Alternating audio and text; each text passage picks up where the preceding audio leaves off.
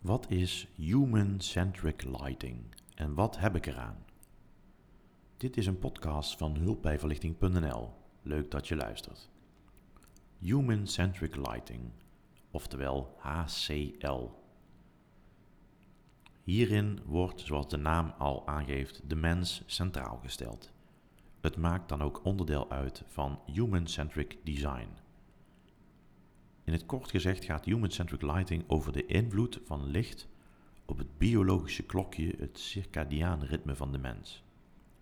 Het 24 ritme van de zon beïnvloedt wie we zijn en wat we doen. Onze ogen verbinden licht en duisternis aan ons lichaam.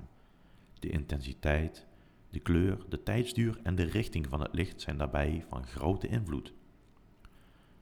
Bedenk dat mensen zo'n 90% van hun tijd binnen de muren van een gebouw spenderen, dus veelal in kunstmatige verlichting. Even een vergelijking. Op een zonnige dag is de lichtintensiteit buiten 100.000 lux.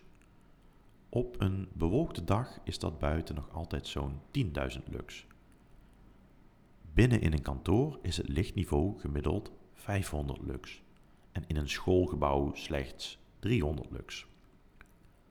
Een mens heeft zowel behoefte aan licht als aan duisternis.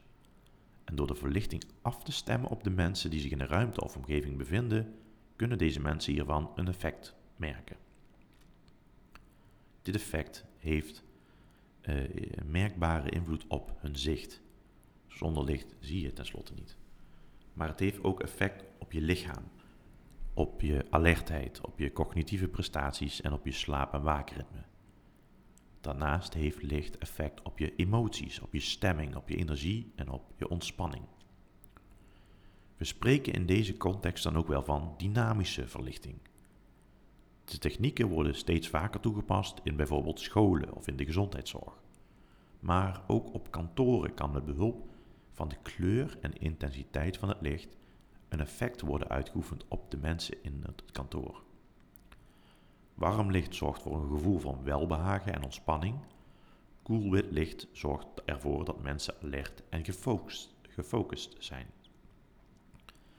Ga je de intensiteit en de temperatuur van het licht, dus de wittint van het licht, gedurende de dag variëren, dan spreken we al snel van dynamische verlichting.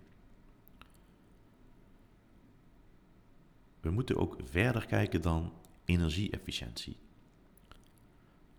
Als we kijken naar het vervangen van verlichting, van conventionele verlichting met LED-verlichting, dan gaat het vaak over het besparen van kosten.